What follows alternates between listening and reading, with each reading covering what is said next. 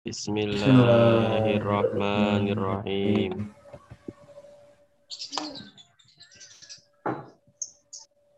Kali ini akan menjelaskan tentang uh, waktu sholat maghrib ya. Eh, sholat asar sudah ya? Minggu Sudah Ustadz. Jadi konsepnya gini, maghrib itu ketika matahari terbenam.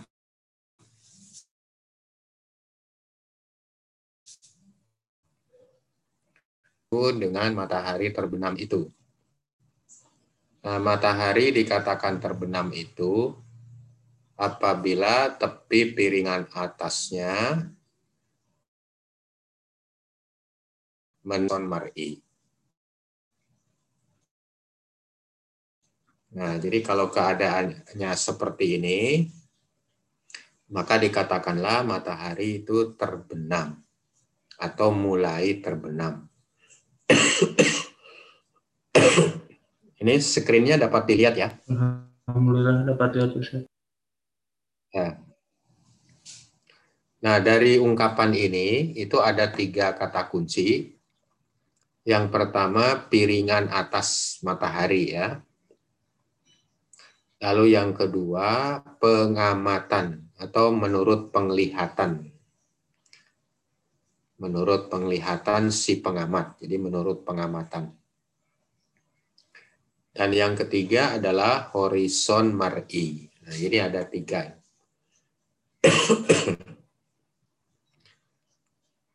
Nanti ya kita akan jelaskan satu persatu. satu persatu.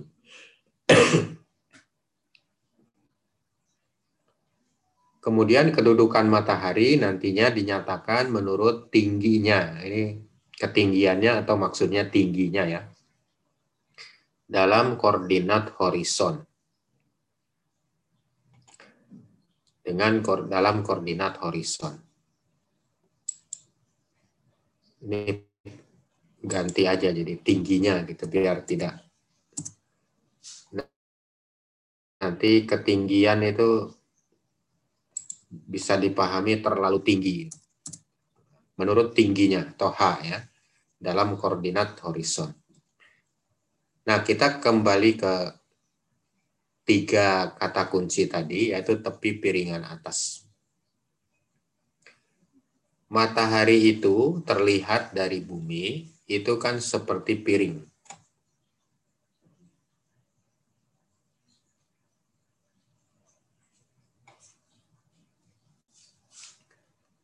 Nah, kalau bentuk seperti piring itu, itu kan ada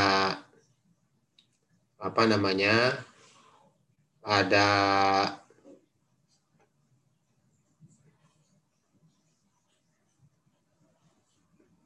tepi piringan atas, ada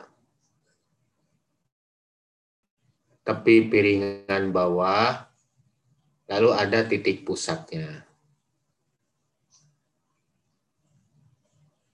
Nah, yang dimaksud dengan terbenam itu, itu harus tepi piringan atasnya. Jadi bukan titik pusatnya. Kalau baru titik pusatnya, itu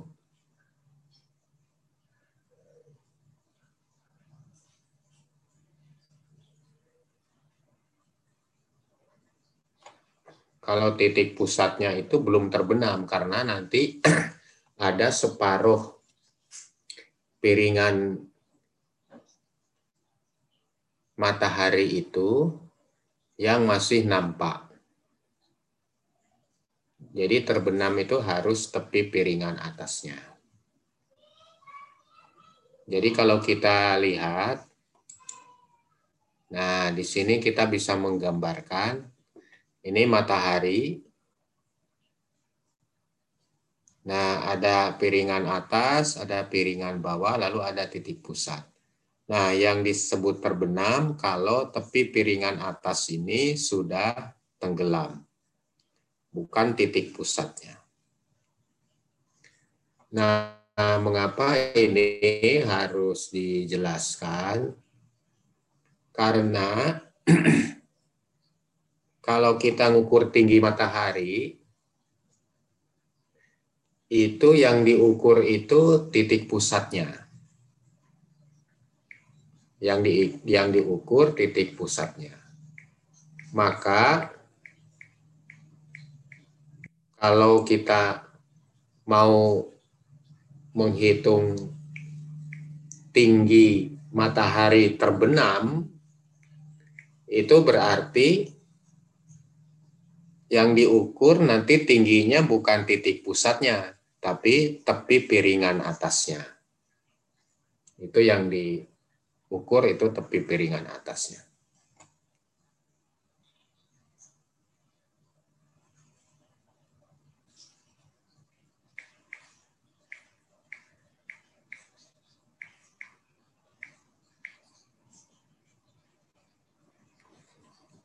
Nah, maka di sini terlihat ada jarak ya dari titik pusat sampai ke piringan atas itu. Nah, jarak ini disebut dengan semi diameter atau sering diterjemahkan dalam bahasa Indonesia menjadi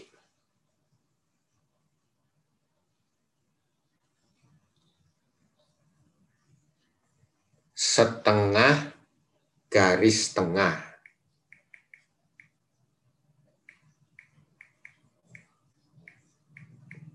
Setengah garis tengah.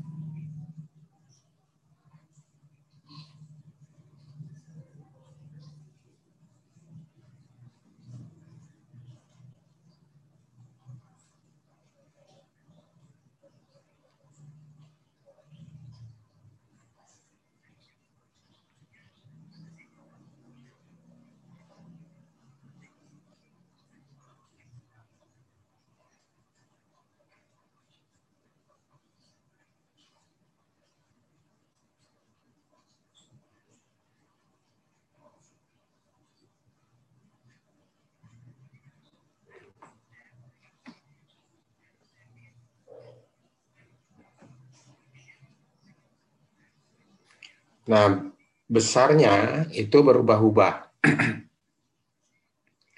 Mulai sekitar 15 menit 43,82 detik sampai dengan 16 menit 15,95. Atau biasanya orang membulatkan ini 16 menit 16 detik.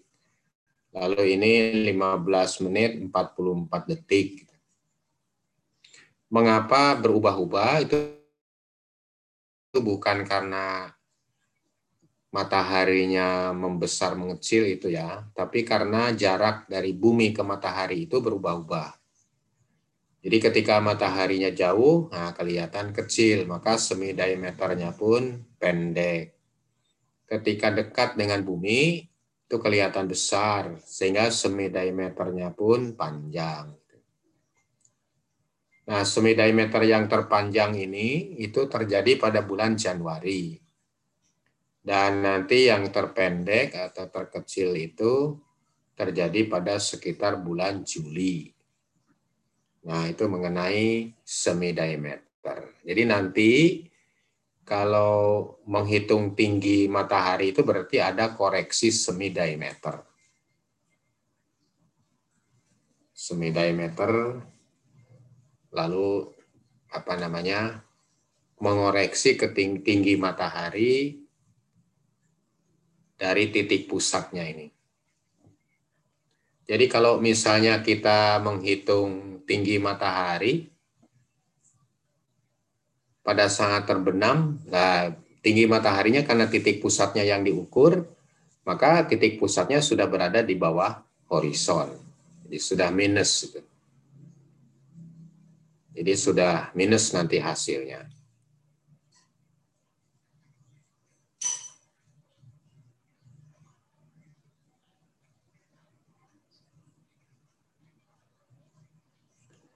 Kemudian yang kedua, kata kunci yang kedua tadi adalah ini sudah Anda share ya di WA ya. Eh, presentasi ini. PPT ini sudah dikirim ya, jadi nanti dilihat aja. Nah, kemudian kata kunci yang kedua tadi menurut pengamatan ya atau menurut penglihatan si pengamat. Gitu. Nah, penjelasannya gini. Jadi ketika kita melihat matahari atau melihat benda-benda langit mana pun, termasuk bulan, misalnya bintang, itu, dari muka bumi, itu kita melihat karena matahari atau benda-benda langit tadi itu memancarkan sinar ke mata kita. Nah, padahal sinar yang datang ke mata kita itu itu dibelokkan dibelokkan oleh lapisan-lapisan atmosfer bumi yang berbeda-beda keadaannya, baik suhunya, kelembabannya, kepadatannya. Nah, perbedaan lapisan-lapisan atmosfer itu menyebabkan sinar itu berbelok. Nah, sinar yang paling akhirlah yang sampai ke mata kita. Jadi misalnya di lapisan ini dia belok, lapisan ini belok, lapisan terakhir belok. Nah, maka sinar ini yang sampai ke mata kita. Sehingga kita melihatnya benda langit itu berada di sini. Padahal yang senyatanya berada di sini. Jadi benda langitnya lebih rendah daripada yang kita lihat. Nah, ini namanya refraksi atau pembiasan sinar atau pembiasan cahaya.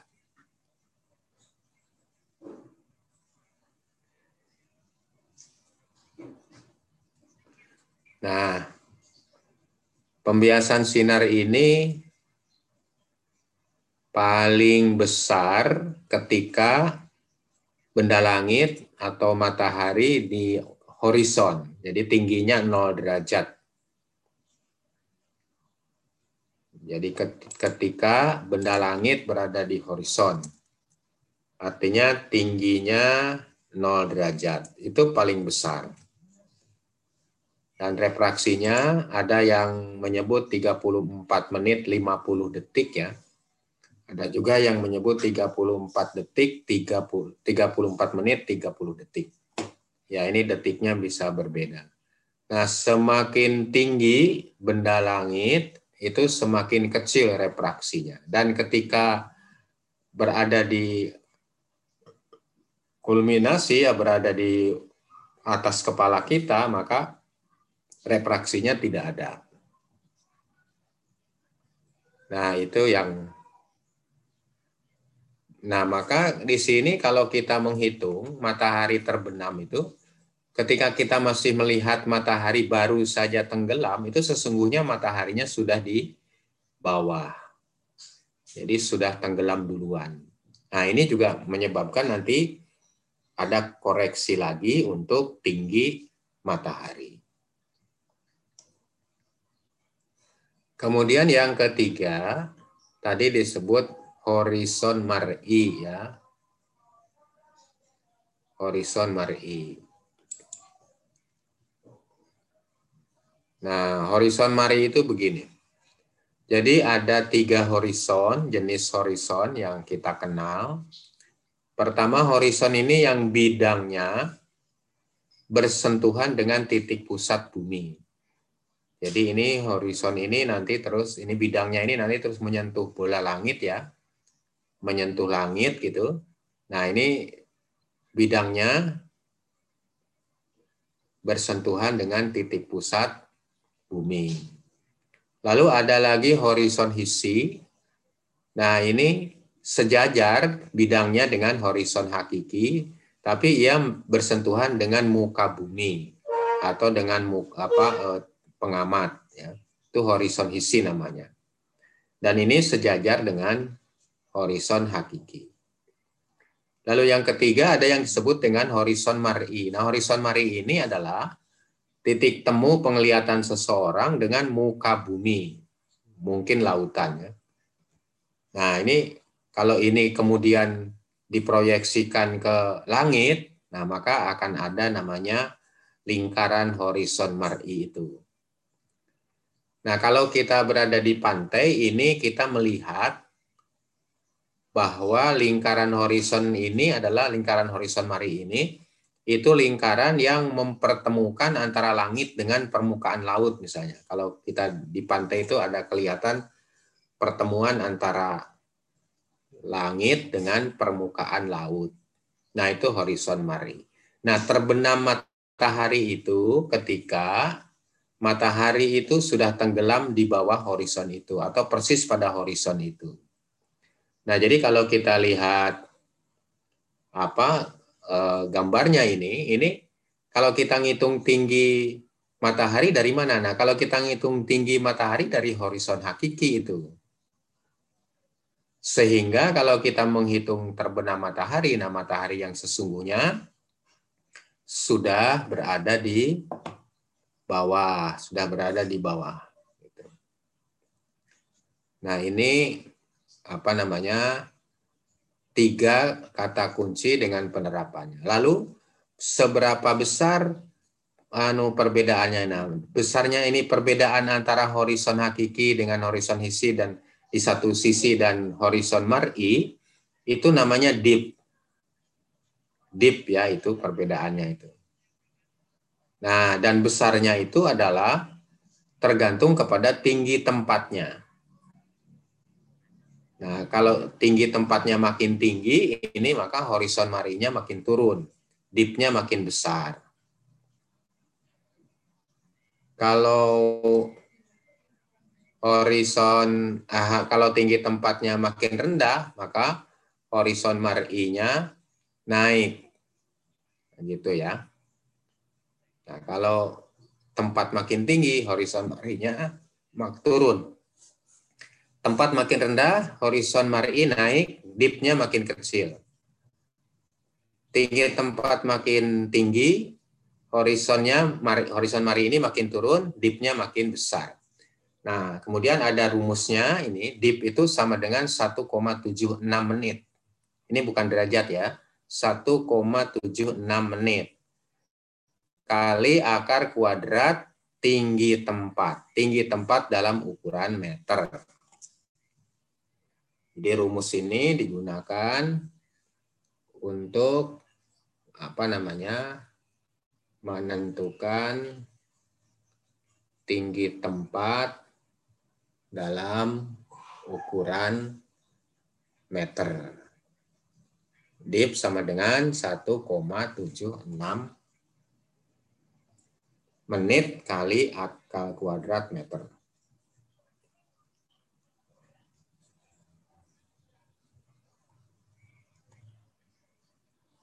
Assalamualaikum warahmatullahi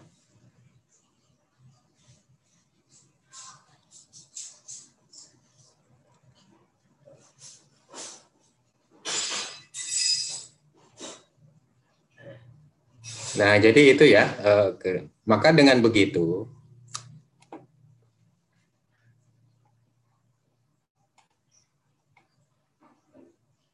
jadi setelah kita tahu ya, setelah kita tahu tiga ini, maka ketika kita menghitung tinggi matahari, itu rumusnya nah, seperti ini. Jadi tinggi mataharinya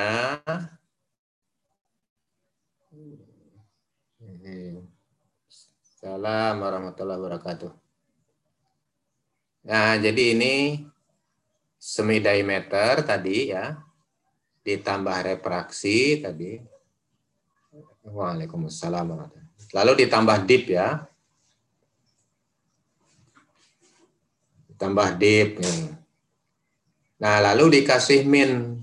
Kenapa? Karena ini nanti semuanya menurun ya ke bawah horizon. Jadi di, dikasih min ini ya. Nah, jadi ini H ini tinggi matahari, semi diameter matahari, refraksi, dip kerendahan ufuk dengan rumus ini. Jadi kalau begitu, ketika kita mau menghitung tinggi eh, mau menghitung maghrib itu, pertama harus menghitung tinggi matahari terlebih dahulu. Nah, sebelum menghitung tinggi matahari harus meng, harus menghitung dip juga. Nah, jadi jadi nanti dip dulu. Nanti setelah dip baru tinggi matahari. Nah, jadi ini tapi ini lebih sederhana daripada apa?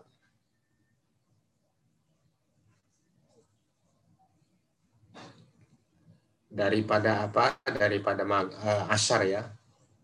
Daripada asar ya.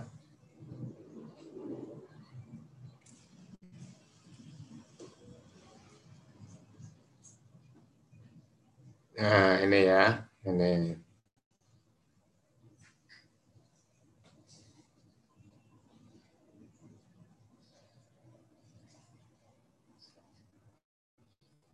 Nah, sekarang kita ambil contoh ya.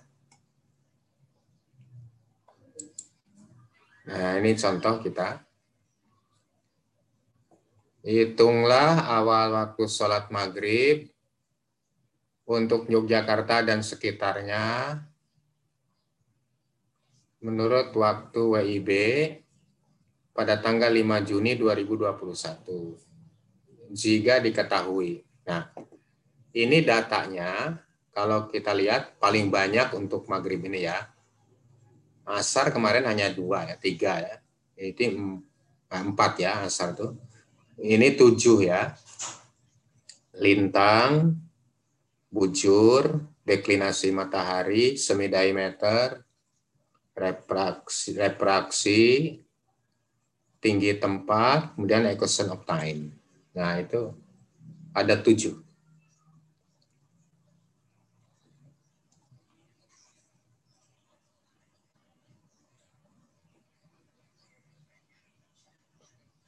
Nah, yang ini yang untuk yang dimerahkan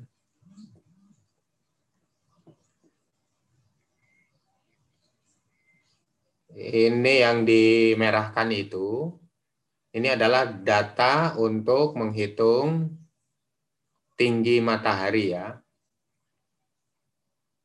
Untuk menghitung tinggi matahari.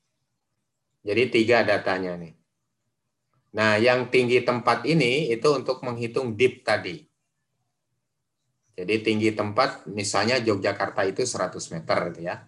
Nah, ini dari sini kita menghitung dip itu. Nah, maka kita lihat perhitungannya.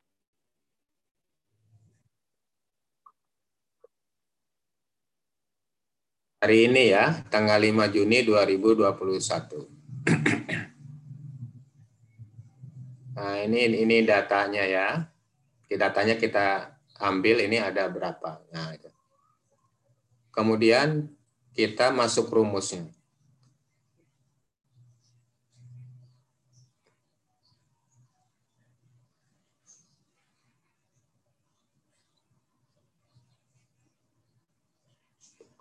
Nah, ini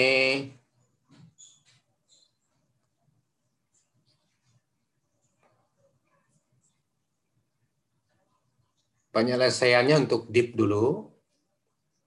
Nah, ini dip sama dengan 1,76 kali akar kuadrat 100 meter. Nah, ini 100 ini dari mana? Nah, itu tadi. Tingginya 100 meter ini. Ya. Nah, ini Nah, 1,76 menit kali akar kuadrat 100 meter itu itu 17 menit 36 detik. Ini sudah pernah dicoba? Belum? Betul isinya seperti ini hasilnya? Karena sering-sering keliru dalam menghitung dip ini.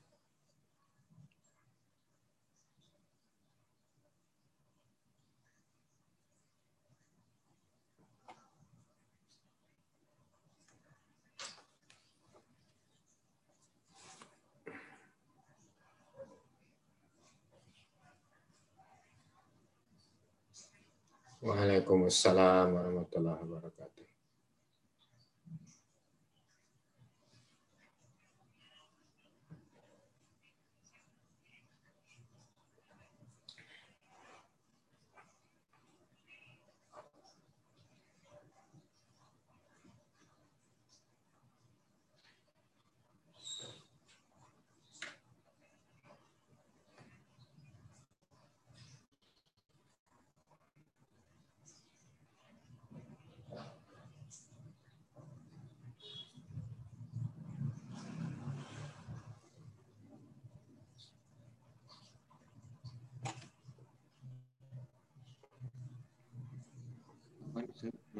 Bertanya Ustaz. Gimana? Cocok nggak dicoba ini? Itu eh, kalau di kalkulator saintifik nulis 1,76 menit eh, akar 100 itu gimana Ustaz?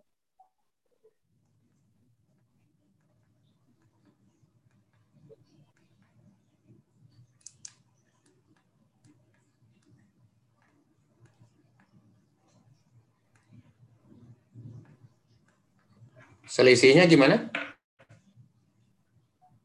Cara in, eh, in- input datanya itu Ustaz, yang untuk dipnya itu Ustaz, 1,76 menit eh, akar 100 itu kalau di kalkulator saintifik cara nulisnya gimana Ustaz? Ya, ini kan menit ya. Jadi, kalau di kalkulator itu kan ada tombol derajat menit detik itu. Nah, karena ini menit, jadi ini eh, tombolnya harus dipijit 0 derajat dulu. Hmm, iya Ustaz. 0 derajat, lalu nanti 1,76 menit. 1,76 menit. Jadi ini pada pijitan kedua. Pijitan pertamanya 0 derajat, pijit derajatnya sekali ya. Terus nanti 1,76 menit. Nah, menitnya pijit lagi. Jadi ini pijitan yang kedua. Iya Ustaz, itu kalau dihitung hasilnya benar Ustaz, 17 menit Kalau 36 langsung detik. kalau langsung 1,76 mijit gitu, itu berarti 1,76 derajat. Oh, Kita nyebut menit, ya enggak mau kalkulator ya. Ya tetap 1,76 derajat gitu. Nah, kemudian koma di dalam kalkulator itu kan tidak ada.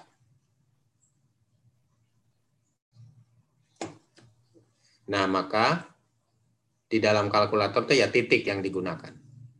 Jadi 1.76 terus pijit menit. Nanti mungkin di sini di kalkulator 17 eh 0, 0, sekian sekian gitu. Nah, itu berarti tinggal dipijit aja derajatnya nanti akan muncul 0, 0 derajat 17 menit 36 detik. Gitu. Itu ya. Dicoba aja sama nggak? Kalau tidak sama ya berarti masih salah itu penggu- cara Hmm. menggunakan. hasilnya sama Ustaz, 17 menit 36 detik. Sama Ustadz hasilnya Ustadz. Sudah sama ya, Dimas? Sudah Ustadz. 0 Ya. derajat 17 menit 36.00 detik. Ya. Nah, kemudian ini dimasukkan ya ke dalam rumus ini, DIP ini. Jadi, semi diameter ditambah refraksi ditambah DIP. gitu. Ya, ini refraksinya mau 34 menit 50 detik ya boleh, mau 34 menit 30 detik boleh, karena nanti hasilnya akan sama juga. Tidak terlalu tidak terlalu berpengaruh ya. Nah, jadi ini 15 menit 45,75 kan ini sudah merupakan data ya. Di sini juga datanya sudah ada. Nah, yang dihasilkan perhitungan adalah tadi DIP ini. Nah, lalu ini dijumlahkan. Setelah ini dijumlahkan nanti kan di depannya ada minnya ini. Nah, seperti halnya tadi, kalau ada menit-menit-menit begini, kalau mau menggunakan kalkulator itu, itu dipijit dulu 0 derajat ya. 0 derajat, 15 menit, 45,76 detik. 0 derajat, 34 menit, 30 detik. 0 derajat, 17 menit, 36 detik. Nah, gitu. Baru nanti sama dengan, ya. Nah, sama dengan nanti mungkin masih satu koma sekian gitu ya. Nah, dipijit aja derajatnya, nanti akan muncul seperti ini. Hanya tandanya kalau di kalkulatornya semuanya kotak nih, bukan menitnya tidak ada menit, tidak ada detik begini. Semuanya kotak kayak derajat ini. Atau bulat kayak derajat. Itu tapi itu uh, maknanya yang pertama derajat, yang kedua menit, yang ketiga detik.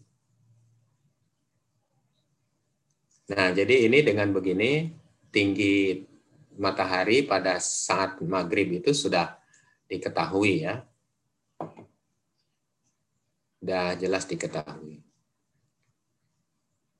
Nah, kemudian nanti kalau tingginya ini sudah diketahui, masuk ke perhitungan apa? Masuk ke perhitungan sudut waktu. Nah ini sama. Sama dengan yang waktu sholat asar.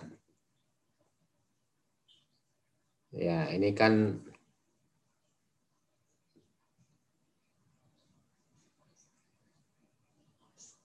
ini kan sama ya dengan asar yang lalu. Dan ini apakah sudah dicoba atau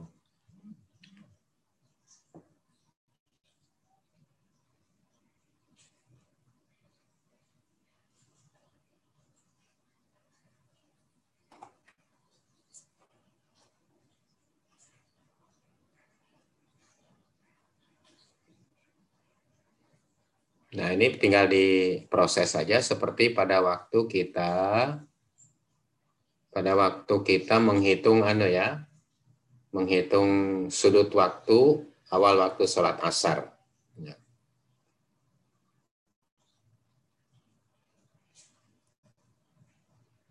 Persis sama. Jadi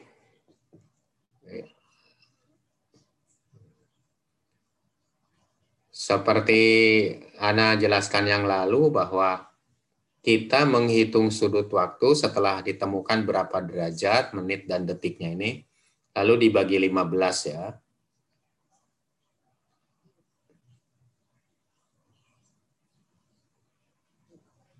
Nah ini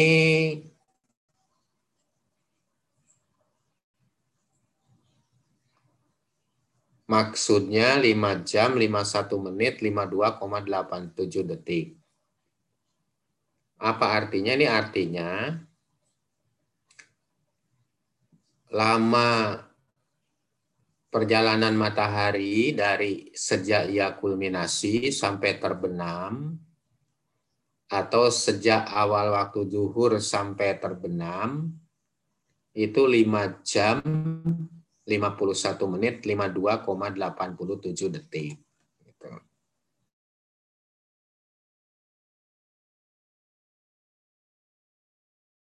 Nah, jadi ini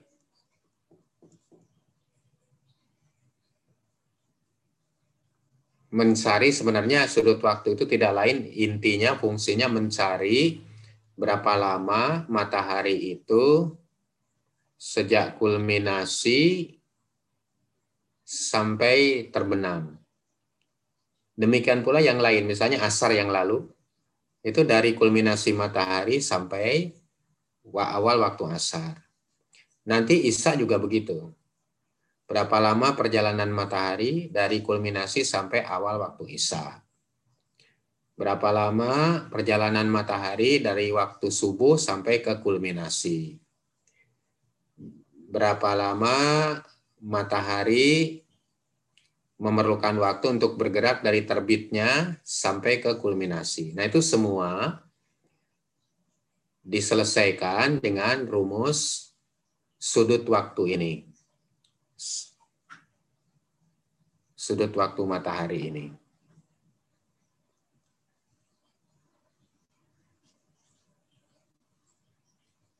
Itu.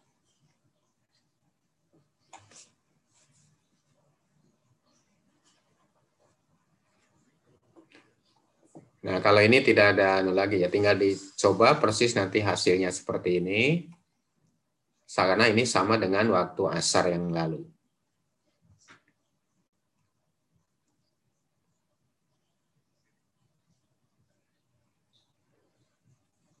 Nah, kalau sudah ketemu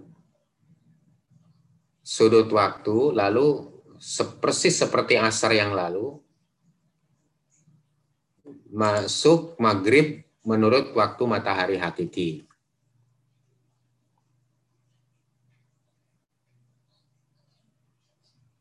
Nah, jadi ini tinggal ditambah 12 jam ya sama dengan asar kemarin. 12 jam ini maksudnya kan kulminasi matahari itu ya. Jadi untuk mengetahui jam berapa maghribnya, lah itu jadi kulminasi ditambah dengan perjalanan matahari tadi, ya ini sudut waktu tadi. Nah sehingga maghribnya menurut waktu matahari hakiki itu jam 17 lebih 51 menit 52,87 detik. Nah, Kemudian waktu ini, waktu matahari hakiki ini diubah menjadi waktu matahari menengah atau menurut waktu setempat. Cara mengubahnya tidak lain adalah dengan menguranginya atau dengan equation of time atau perata waktu.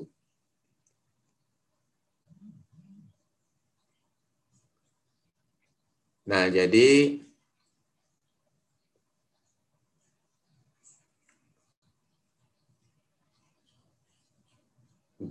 nanti di sini equation of time itu tidak tidak semuanya plus seperti ini ya, tapi ada minus ya. Tapi tetap rumusnya dikurangi. Jadi nanti kalau dikurangi kebetulan equation of time-nya minus misalnya, ya berarti nanti dikurangi minus. Kalau dikurangi minus ya sama dengan ditambah kan gitu, atau berarti ditambah. Tapi kalau ini kebetulan equation of time-nya adalah plus, maka ini menjadi lebih kecil ya. Waktu asar ini waktu harusnya ini waktu maghrib ya, kita ubah dulu ya. Tadinya copy paste itu mungkin belum diubah maghrib ini. Nah, waktu maghrib.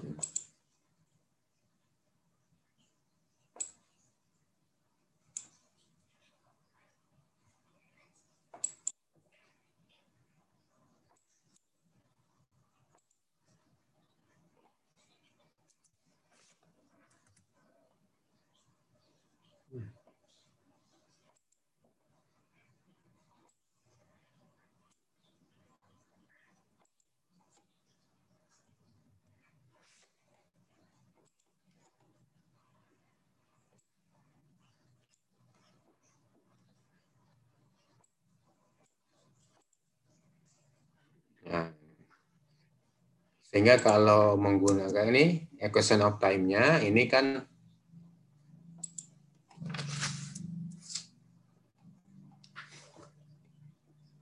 tujuh belas jam lima puluh satu menit lima dua koma delapan tujuh dikurangi satu menit dua puluh tujuh detik sehingga terjadinya tujuh belas menit eh tujuh belas jam lima puluh menit dua lima koma delapan tujuh detik. Nah, ini sudah waktu maghrib menurut waktu setempat. Tadi kita menghitungnya di Jogja ya. Artinya waktu setempat Jogja.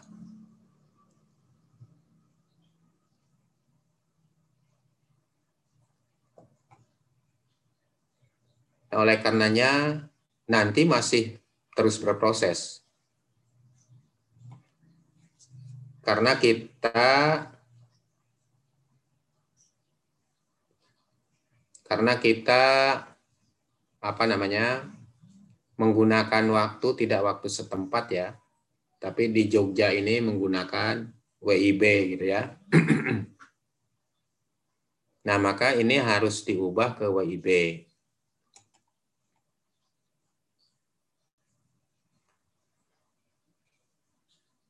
Nah, cara mengubahnya kita harus mengetahui dulu selisih waktu bujur antara WIB dengan Jogja. Nah, maka lalu kita tempuh, kita selesaikan berapa selisih bujurnya. Nah, seperti halnya waktu asar, asar yang lalu ya. Nah, ini selisih waktu bujurnya. Jadi harga mutlak dari bujur tempat dikurangi bujur waktu daerah, lalu dibagi 15. Gitu. Gitu. Nah, ini 21 menit 24 detik ya.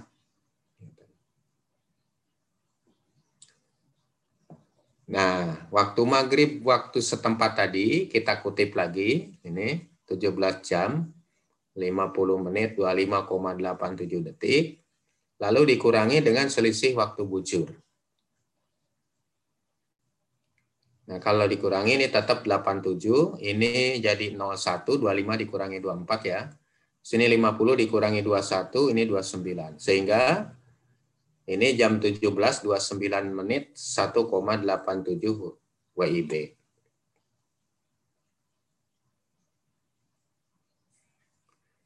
Tapi ini belum selesai juga. Karena apa? Karena masih ada detiknya ini ya. Kita membuat jadwal itu paling kecil angkanya itu ya menit ya, nggak mungkin sampai detik.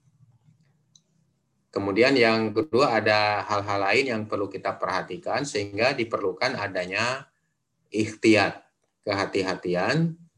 Nah, ikhtiyat itu kita berikan antara 1 sampai dengan 2 menit. Dengan catatan, detiknya harus bisa membulatkan detik yang hasil perhitungan ini menjadi menit. Nah, oleh karena itu, seperti di sini, satu menit ini tetap. Jadi tetap kalau kita nambah ikhtiatnya di sini tetap satu menit. Nah di sini berubah-ubah. Berubah-ubahnya bagaimana? Berubah-ubah tergantung apa namanya hasil perhitungan di atas ini. Misalnya kalau ini 1,87 ya di sini jadinya 58,13. Supaya apa? Supaya jumlahnya jadi 60. 60 detik itu berarti nanti jadi satu menit. Nah, gitu. Jadi supaya nanti jadi 60 tambahnya 58,13 detik. Jadi di sini berubah-ubah. Jadi jangan mengikuti ikhtiar terus seperti ini. Ini ikhtiar itu berubah-ubah, tergantung hasil perhitungannya. Yang berubah adalah yang detiknya ini.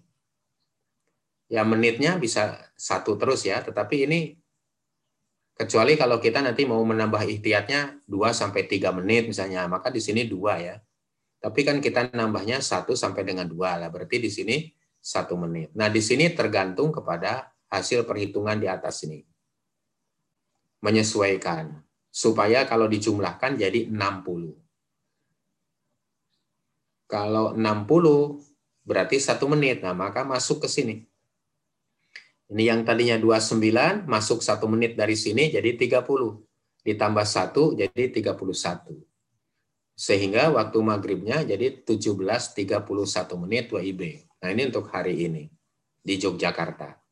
Jam 17 lebih 31 menit. Nah dari situlah kemudian kita simpulkan bahwa waktu maghrib di Yogyakarta pada tanggal 5 Juni 2021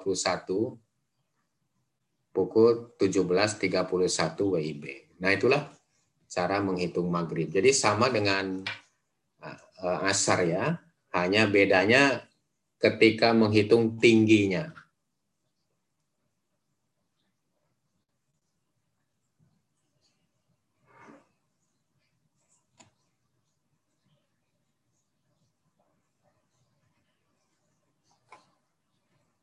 Ya, jadi ini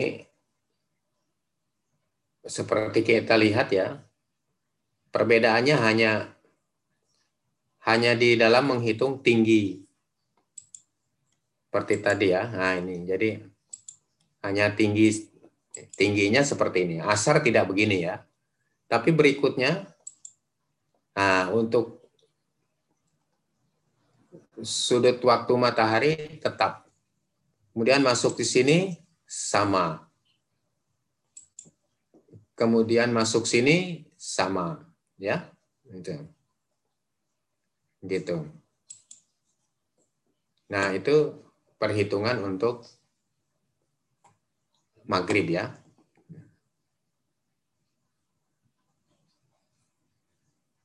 Eh, lalu nanti coba disilahkan lagi dicek ini yang contoh berikutnya. Nah ini yang untuk tanggal 6 besok ya. Prosesnya sama itu proses-proses ini. Sama ya. Nah.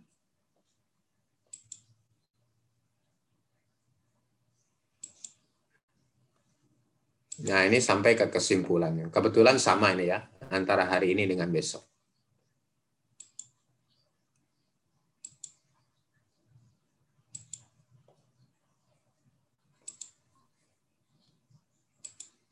Hmm, aku Ustaz mau bertanya sedikit Ustaz.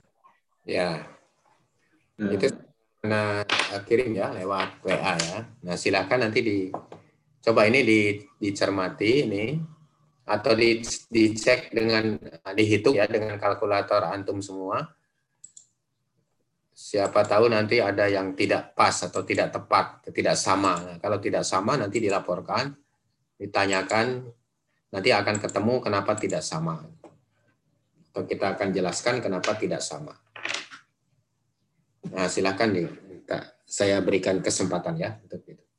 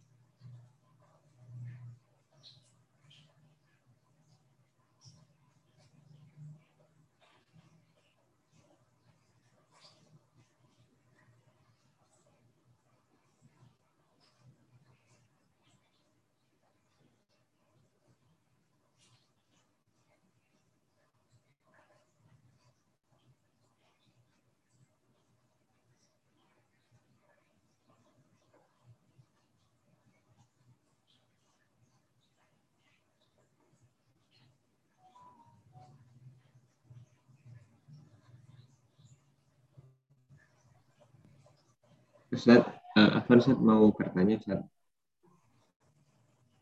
Ingat el pepo muy de ye.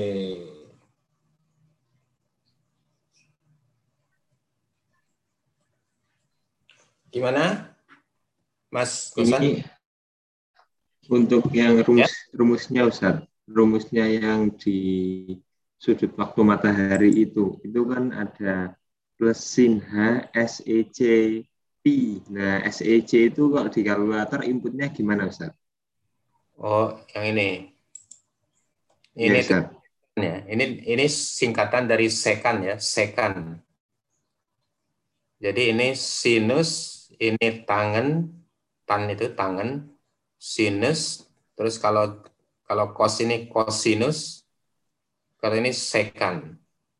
Sekan itu keba, eh, sekan itu kebalikan dari cos. Jadi kalau nanti di kalkulator tidak ada sekan, itu pakai cos. Tapi prosesnya atau caranya adalah pertama, satu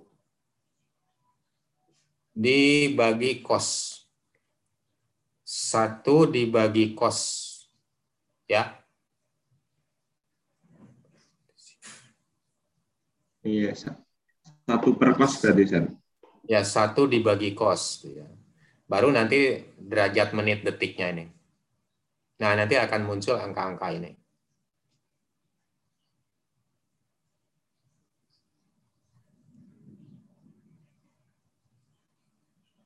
Oh iya, sudah ketemu Ustaz. Syukur Ustaz. Ya. Ya.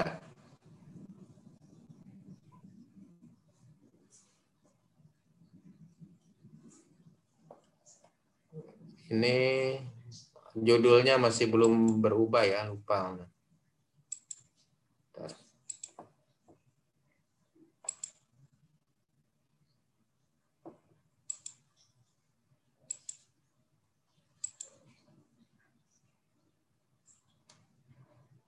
Ini kan berarti yang ini tanggal 6 ya. 6 Juni berarti ini.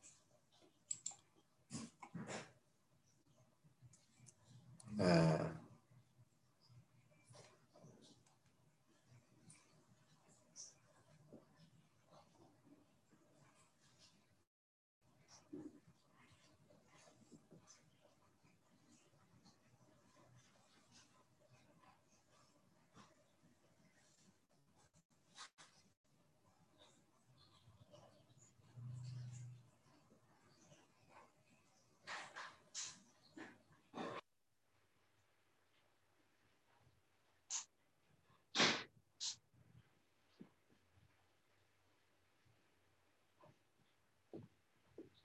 perbaiki perbaiki dulu ya. Nanti juga yang yang di share ke WA itu diubah juga ya. Nah, ini seperti ini harusnya tanggal 6 Juni ini.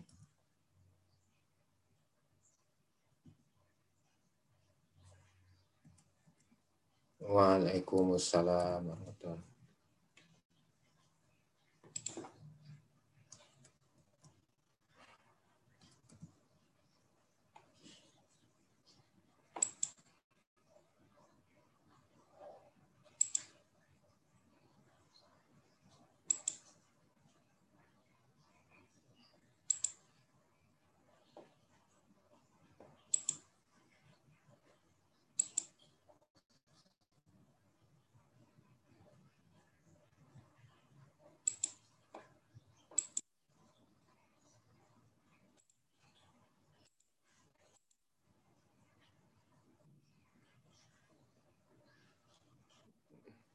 Ya, sudah, sudah. Tak perbaiki.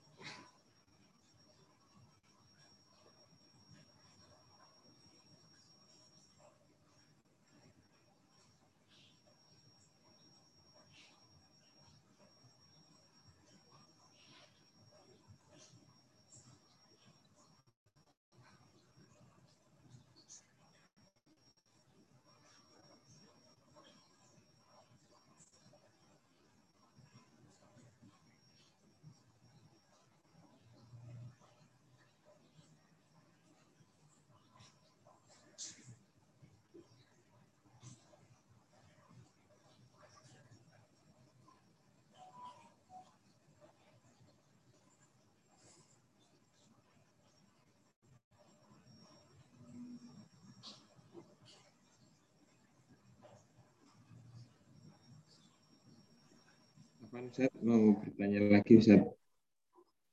Ya, Ini eh, di slide yang sebelumnya kan slide 14 Ustaz. Iya. Ustaz, itu paling bawah kan ada T 87 derajat, Ya. 57 menit sekian itu eh, itu kan masih GMS Ustaz. Masih detik menit second. ya. Nah, kalau dikonversi ke jamnya itu gimana Ustaz?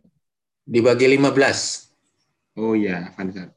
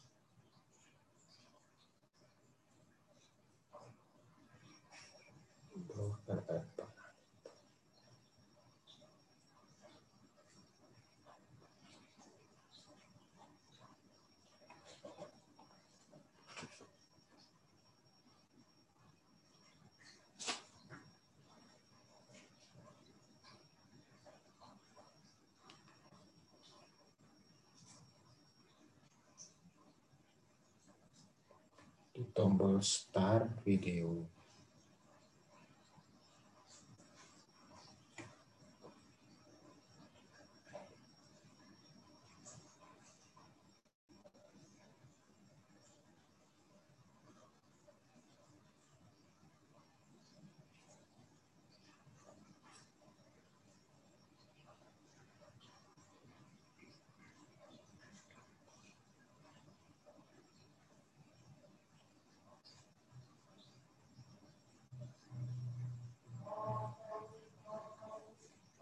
Start video.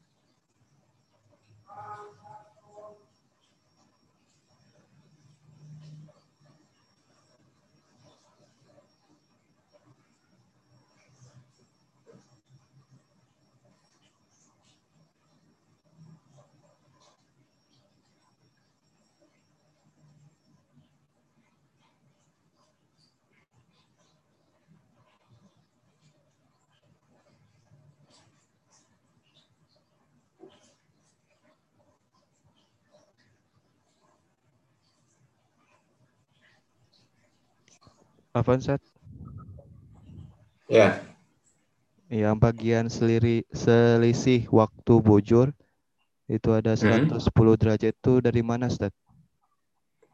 ya 110 derajat ini kan bujur Jogja itu datanya.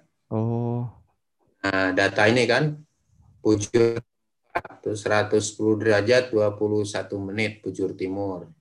oh di situ. Nah, itu. Ya Ustaz, syukran Ustaz. Ya.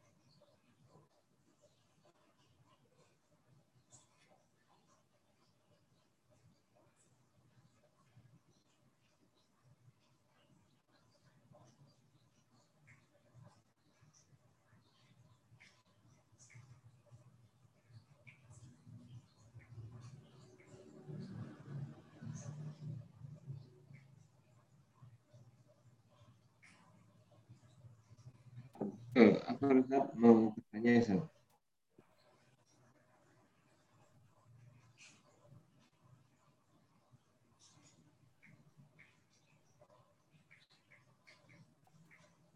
Afan Ustaz, eh, untuk untuk itu Ustaz, untuk ikhtiar Ustaz mau tanya untuk ikhtiar itu eh, seumpama eh, yang detiknya itu saat yang detiknya itu kan itu pokoknya intinya nanti angka penambahnya itu disesuaikan dengan hasil kita supaya hasilnya 60. Misal Iya. belakangnya itu detiknya itu eh, 60 saat detiknya itu sudah bulat misalnya. Berarti di, di angka depannya di menitnya tinggal ditambah dua menit aja gitu saat. Kalau kalau hasil perhitungan di sini tidak mungkin 60 ya. Oh, Karena kalau 60 itu berarti sudah jadi satu menit. Berarti masuk ke sini nanti ya hasil hitungan itu. Di sini paling ya 59, paling tinggi 59,99 atau berapa gitu ya. Tidak tidak mungkin 60. Tapi kalau 0 bisa. Kalau 0 bisa, misalnya 17, 29, 0, 0 di sini. Persis 0 gitu. Nah, nanti kebijakannya kalau 0 di sini, maka di sini langsung ditambah 2 menit. Ya. Kalau di sini 0. Kalau 0 kan perlu tidak perlu ada penambahan detik ya. Nah, maka menitnya dijadikan 2. Tambah 2 menit. Itu kalau 0 itu. Tapi kalau 60 nggak mungkin. Jadi di sini kemungkinannya 0 sampai dengan 59, koma sekian. Gitu.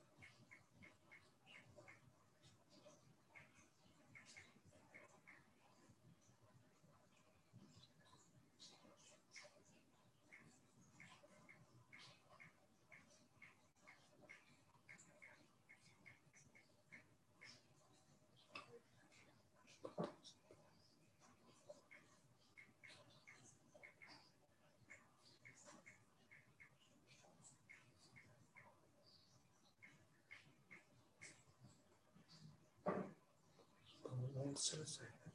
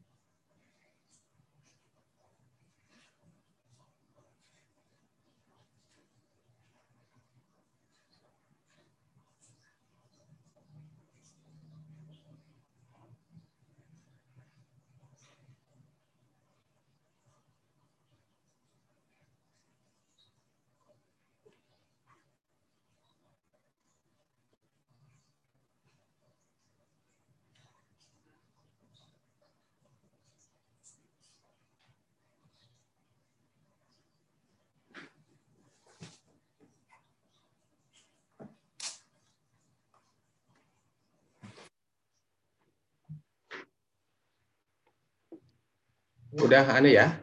Sudah clear semua ya? Ya kalau sudah, eh, nanti Ana akan ngirim apa namanya presentasi untuk Isa subuh ya, Isa dan subuh, syukur kalau sampai duha.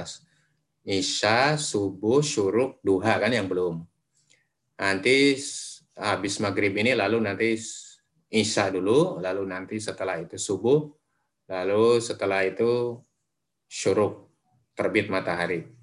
Nah, kalau ditambah lagi mungkin sampai duha, waktu duha ya. Itu yang pertama. Jadi nanti akan Ana buatkan dulu presentasinya seperti ini, lalu nanti akan Ana share ke WA group.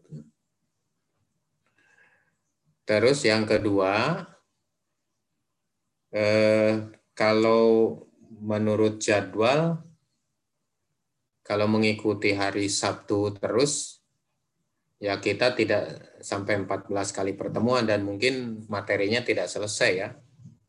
Sehingga kita perlu ada tambahan.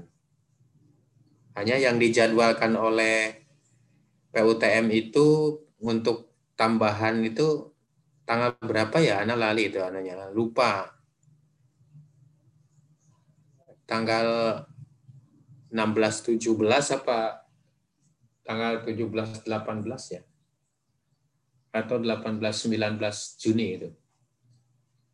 Karena pertemuan kita kan tinggal tanggal 12. Terus tanggal berapa itu? Ya, nanti pokoknya nanti perlu ada tambahan nanti akan diinformasikan lewat WA grup ya. Lalu ya gimana? Mau bertanya Ustaz. Ya. Ini kalkulator Ustaz. Eh, mengenai kalkulator ini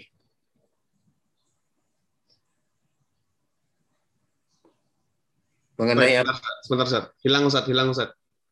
Lanjutkan Ustaz. Oh, ya.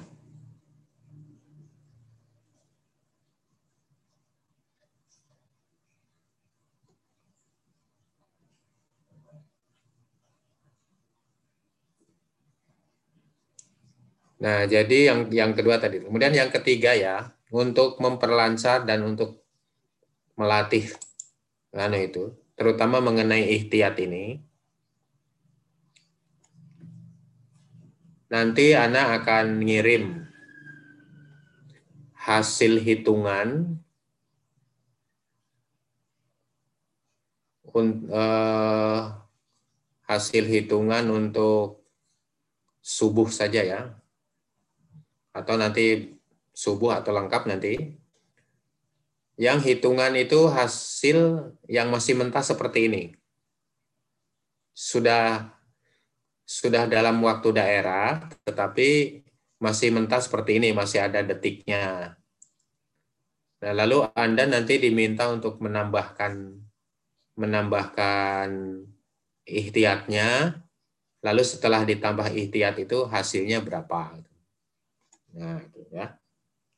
Ya untuk melatih karena sering kali di awal sudah betul, sudah jalan itu tiba-tiba waktu memberi ikhtiatnya salah gitu. Akhirnya kesimpulannya jadi salah. Nah, itu kan sangat merugikan itu ya. Ketika kita mau nyusun jadwal, hitungannya sudah benar, tiba-tiba di akhir jadwalnya jadi salah. Nah, karena gara-gara salah menambahkan ikhtiat itu ya. Nah, baik itu ya. Nanti lebih diklir, diklarifikasi lagi nanti lewat WA group. Baik, untuk sementara kita cukupkan sekian dulu. Ini nanti akan masuk yang kelas putri ya. Mari kita akhiri dengan hamdalah. Alhamdulillah. Alhamdulillahirabbil alamin. Assalamualaikum warahmatullahi wabarakatuh. Waalaikumsalam.